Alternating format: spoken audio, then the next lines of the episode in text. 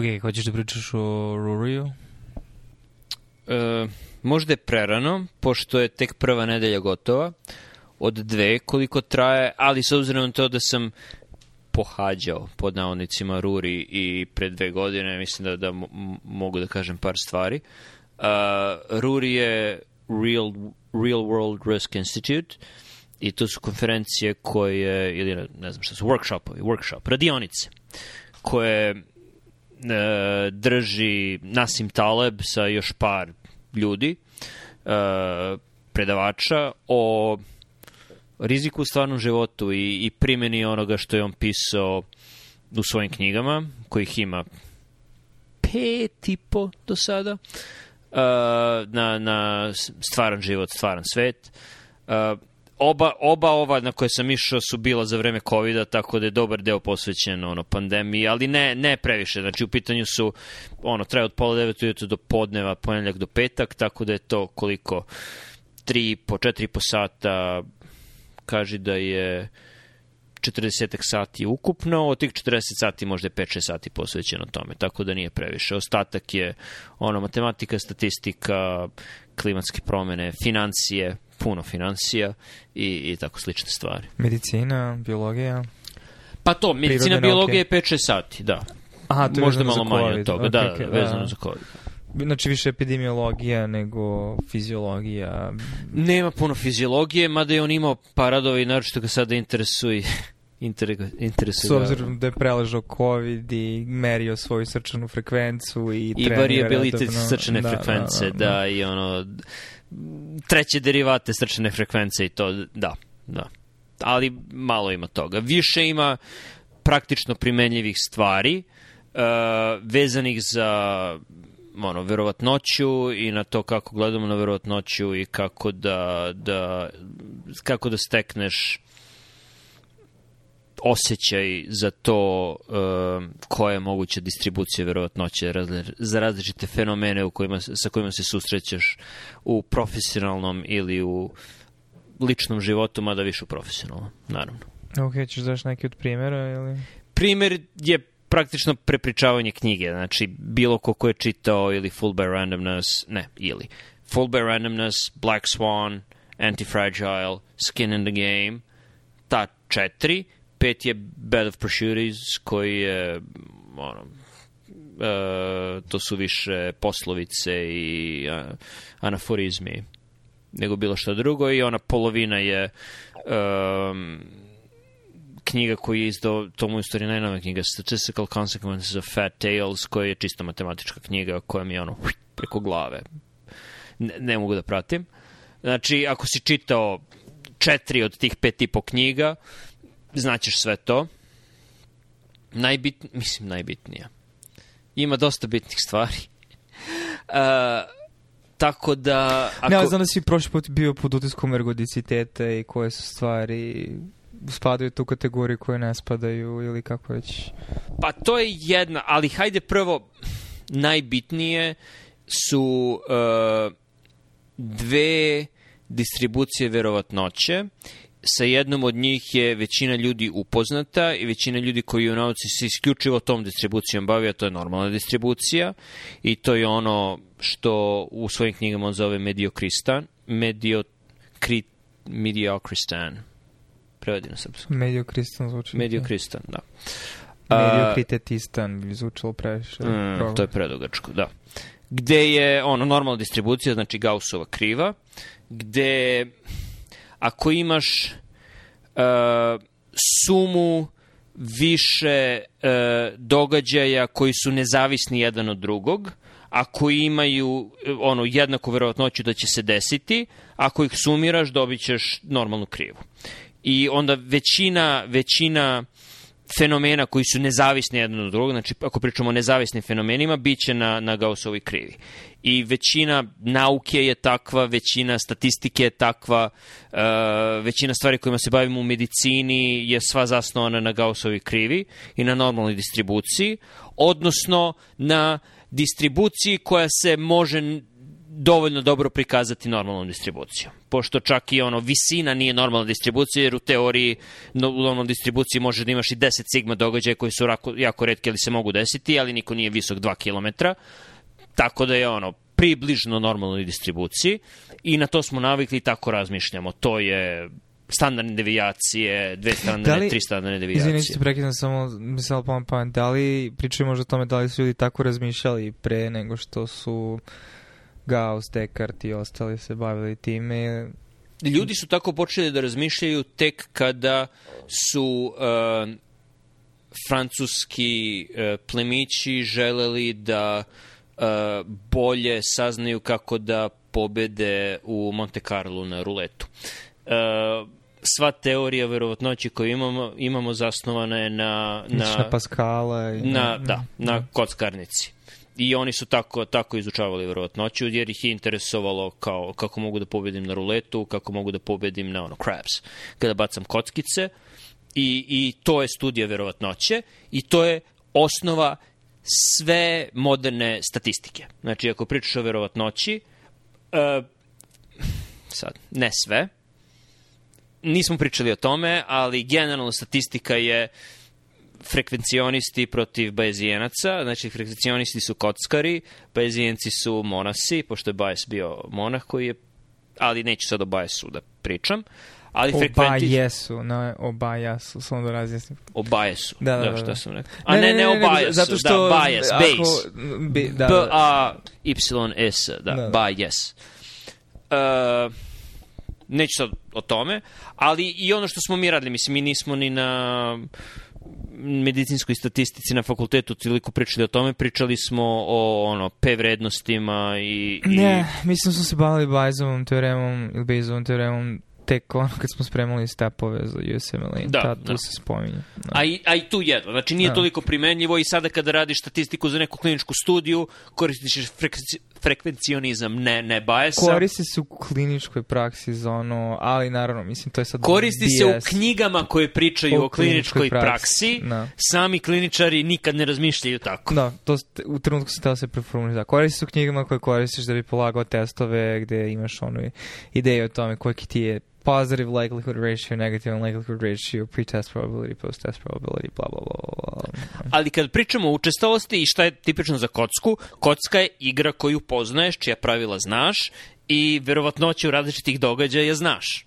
Tako da je to jako ograničen skup fenomena na koji smo mi nadgradili tu strukturu od koje sada zavisi da li će neki lek vredan milijarde dolara biti odobren ili ne, da li mu je P vrednost 0,04 ili 0,06 Da. nakon studije. Ali to su to je tanana osnova, to su to je to je najmanji mogući skup svih mogućih fenomena. A većina fenomena sa kojima se suočavamo u životu Su međuzavisni. i profesionalno su međuzavisni, kompleksni fenomeni i da se vratimo na onu epizodu kompleksno nasuprot Mislim da komplikovano. epizoda koju najčešće referencijama.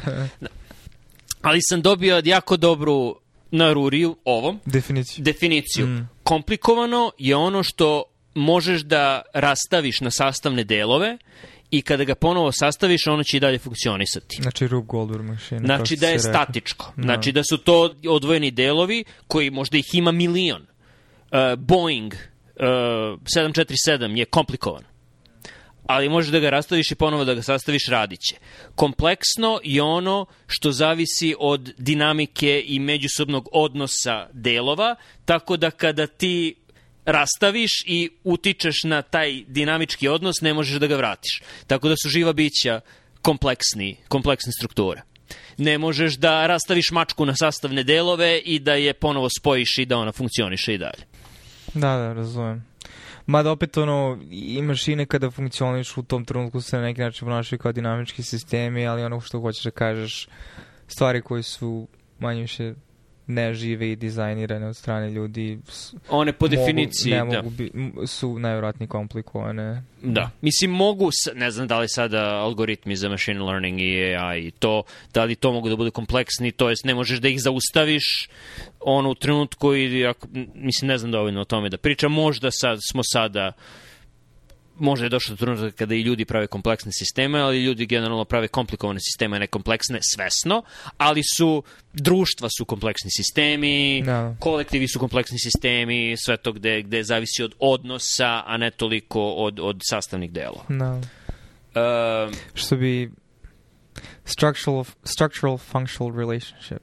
Da. okej. ali čim imaš kompleksne odnose, čim imaš međusobnu zavisnost, tu ti više ne važi Gaussova kriva. Više ti ne važi normalna distribucija. To možeš da baciš kroz prozor. E, tako da, kada ljudi kažu, e, ne znam, S&P 500, što je indeks na berzi, ili Dow Jones, ili šta, je pao 1000 poena danas. To je događaj koji je ono, 8 sigma, 10 sigma događaj. Čim pričaš o sigmama, to je normalna distribucija, to je potpuno pogrešan referentni sistem za ono što se dešava. Jer su ti sistemi, kompleksni sistemi su generalno u ekstremistanu.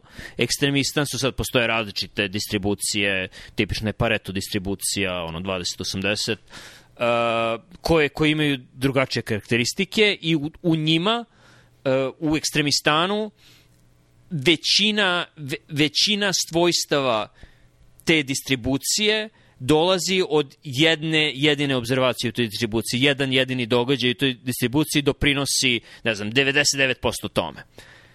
Primer. Uh, ako uzmem dve nasumične osobe sa kugle zemaljske, odrasle osobe, preko 18 godina, i kažem da je njihova e, da je njihova zajednička visina, znači kad sabereš osobu 1 i osobu 2, e, 3,8 metara.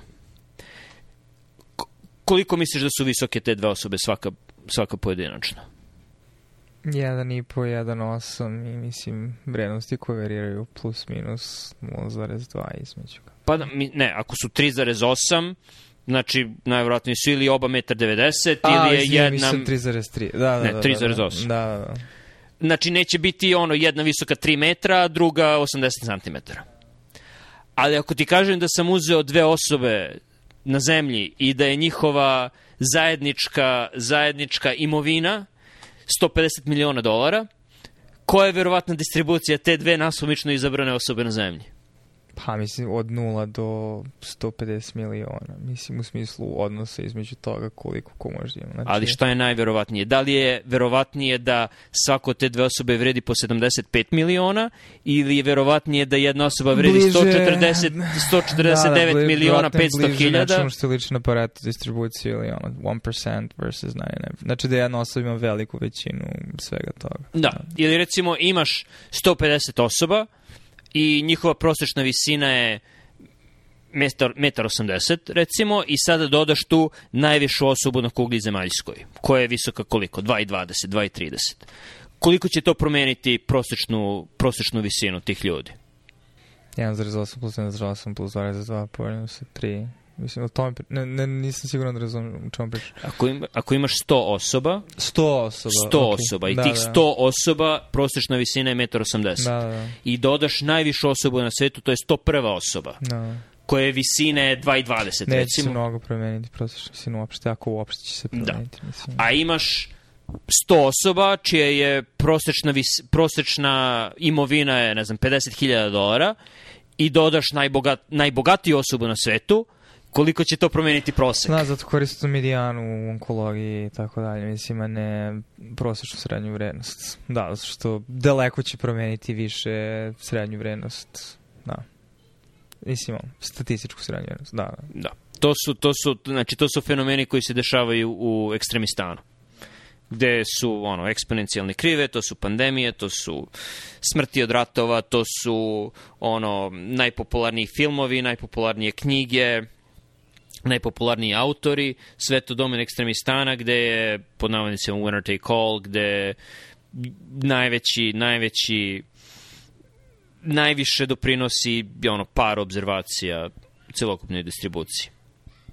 Znači, to je jedna stvar koju treba da, da ono, primetiš da li se, kada gledaš nešto, da li se, da li se nalaziš u mediokristanu ili u ekstremistanu i da li možeš da koristiš normalnu distribuciju ili ne. Ok, još neki utisci? Dobro, spomenuo si ergodicitet. To je još jedna zanimljiva stvar. To je uh, da li ono što neki fenomen, da li uh, ako gledaš jednu, jedan pojedinični objekat kroz vreme, da li, je, uh, da li su karakteristike tog jedne pojedinačne obzervacije, uslovno skup obzervacija jednog predmeta kroz vreme, da li je identično preseku više obzervacija u jednom trenutku. Odnosno, da li, da li je uh, time average isti kao case average? Da li, je, da, li je, da, da li možeš da ekstrapolišeš jedan presek više, više ljudi u medicini ili više obzervacija u jednom trenutku, da li možeš da, eksp, e, da uradiš ekstrapolaciju na jedan predmet, ali kroz vreme. I ako možeš, onda je to ergodični proces, ako ne možeš, onda to nije ergodični proces. Ok, daj primjer ergodičnog procesa. Ono što je u teoriji informacije Claude Shannon dao kao primjer ergodičnog procesa su slova u alfabetu. Ako gledaš um, neki tekst i gledaš ukupnu frekvencu svakog pojedinačnog slova u celom tekstu kada ga gledaš i gledaš koje, ne znam, slovo E je najčešće u engleskom alfabetu i ne znam koje sledeće, sledeće ide, koje je naučestalije. Ako onda primaš neku poruku slovo po slovo, šansa da će ti sledeće slovo biti, ne znam, E je jednaka kao i ukupno učestalo slova E u celokupnom alfabetu. Tako da je to ergodični proces. Ono što nije ergodični proces je nešto tipa ruskog ruleta. Ako imaš uh, presek, kada postoji ruski rulet, kada igraš ruski rulet, ne znam, 100 igrača, od tih 100 igrača koliko će, pet ili šest da pogine, ostali će da prežive, tako da je, ne znam, 94% preživljavanje. Ali ako gledaš jednog pojedinačnog učesnika u ruskom ruletu koji igra ruski rulet 100 puta, on neće moći da preživi 96% puta, a da umre 4% puta, on će preživeti, preživeti, preživeti sve dok ne umre u jednom trenutku. Ok, i kako se to vezuje za primjenu nečega što bi ti integrisao u svoj svakodnevni život? Mm. Kao što si rekao, bitno je napraviti razliku među mediokristana i, se, uh, ne znam kažem, serbistana. I ekstremistan. Servistan. Zar, e, znači, procese koji su, imaju, su ergo, ergodotični. Ergodični. Ergodični. Uh, ono što možeš u medicini da, da uradiš je da, i ovo mislim da je jako bitno, je I ono što mi pravimo grešku, naročito ako radiš kliničke studije, je, ili ne u kliničke studije, u kliničkoj praksi, ako pričaš pacijentu da je, ne znam, šansa da 4% da će se desiti neko neželjeno dejstvo ili 10% da će, da će se desiti neko neželjeno dejstvo, kad, kad ljudi čuju tu informaciju, oni zamišljaju da se to neće desiti njima ili da će se možda uh, od celokupnog trajanja uzimanja terapije 10% vremena će imati to neželjeno dejstvo, a 90% neće. To ti ono kad ti pacijent kaže doktor, ali meni se to desilo, za mene je to 100%. Tačno tako. Ali ne shvataju da iako je ono 4%, ako ti se desi, to je to. Uh, to važi za, ne znam, ono, samo 20% ljudi razvije mučninu za, za vreme ove terapije.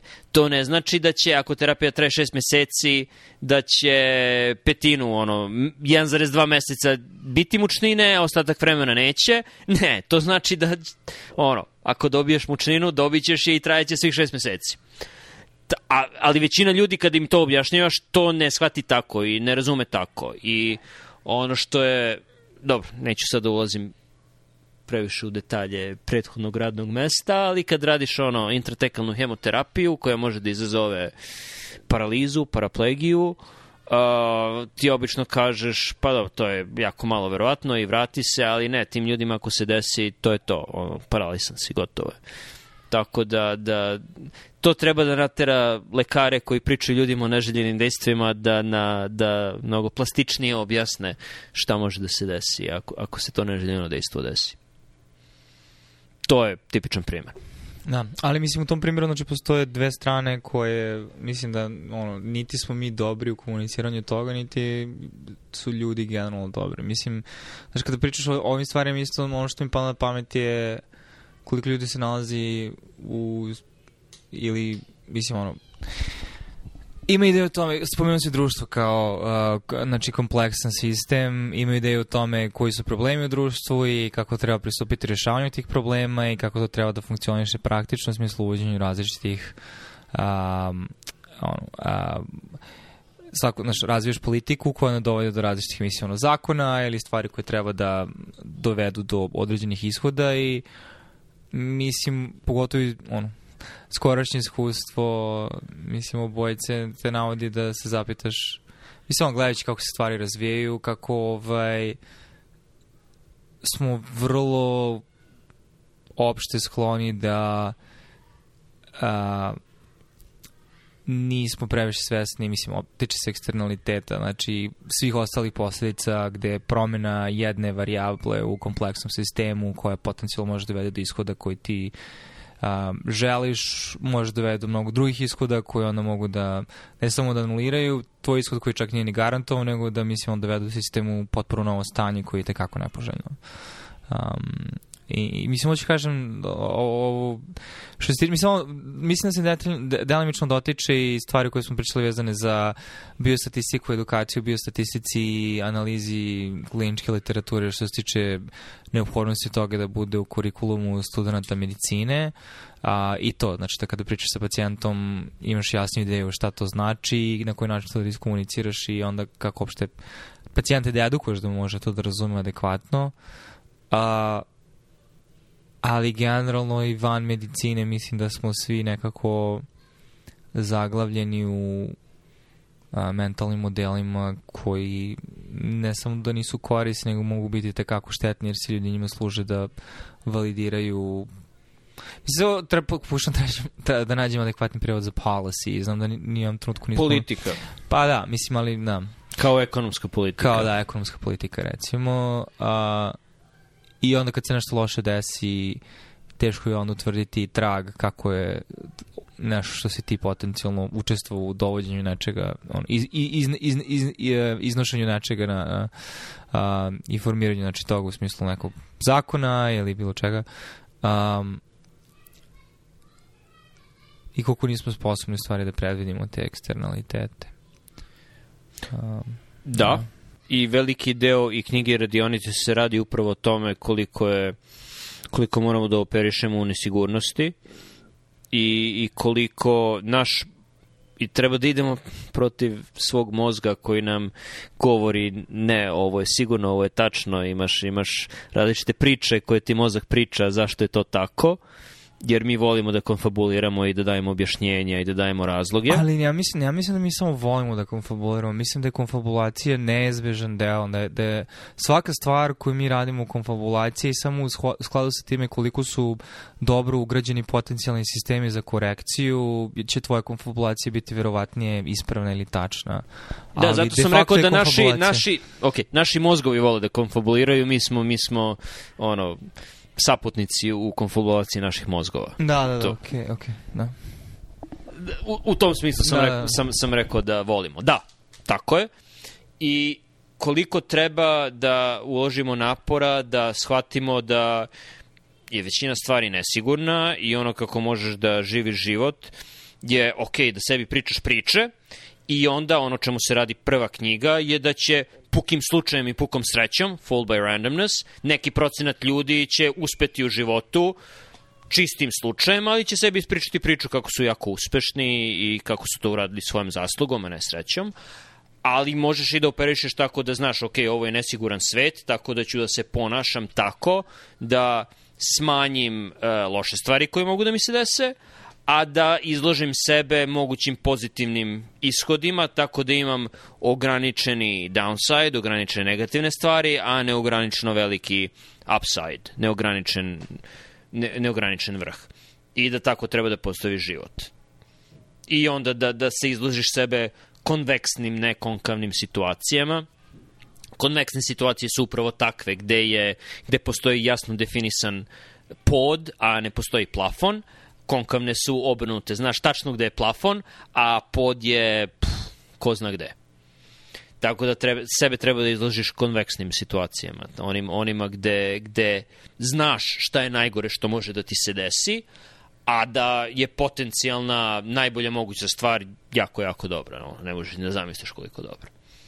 On, primjer u financijama, tipičan su opcije, gde ti ako kupiš opciju, ti daš neku malu količinu novca, premiju, za e, pravo, ali ne i obavezu da kupiš neku akciju po ugovorenoj ceni od trenutka kada platiš premiju, pa obično do ne šest meseci unapred. Tako da znaš to, tačno koliki ti je pod, pod ti je premija koju si dao, jer ako ne iskoristiš svoju opciju, pff, ta premija, ono, potrošio si i ne dobijaš ništa, ali plafon ti je ako kupiš opciju da, da kupiš neku akciju po ceni od, ne znam, 120 dolara, a pet i po meseci kasnije ta akcija ode na 250 i ti si kupio dosta opcija, to ti je ono neograničeno, mislim nije ono ograničeno je, ali, ali pitanje koliko će visoko ta, ta akcija da ode. To nije ograničeno nikakvim, nikakvim fizičkim svojstvima. Tako da su opcije u financijama tipična, tipična stvar. Ali ono, kad donosiš odluke, I to je ono što sam ja generalno i pre toga, ono, napraviš tabelu i ok, ovo su loše stvari, ovo su dobre stvari i onda vidiš, ok, ako je najgora stvar koja može da mi se desi je da opet nije toliko loša i mogu da živim sa tim, ok, onda je to dobra odluka. No. Okej, okay, a pričat ćemo onda još kada se drugo najde završimo. Da.